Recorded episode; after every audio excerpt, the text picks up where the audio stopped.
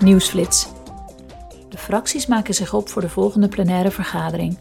Volgende week zullen de leden van het Europees Parlement in Straatsburg hun eisen voor de EU-top van juni uit de doeken doen.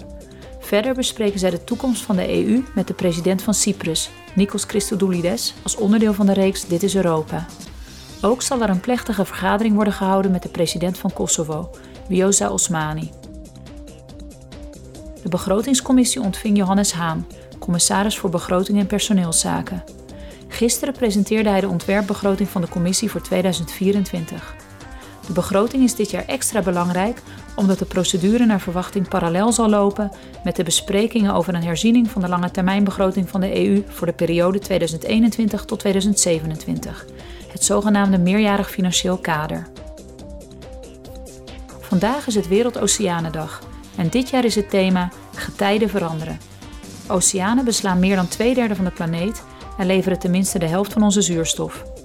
Met de uitputting van 90% van de populaties grote vissen en 50% van de koraalriffen halen we meer uit de oceanen dan we kunnen aanvullen. De EU staat achter de bescherming van tenminste 30% van de wereldzeeën in 2030. Een doelstelling die al is vastgesteld voor de Europese wateren.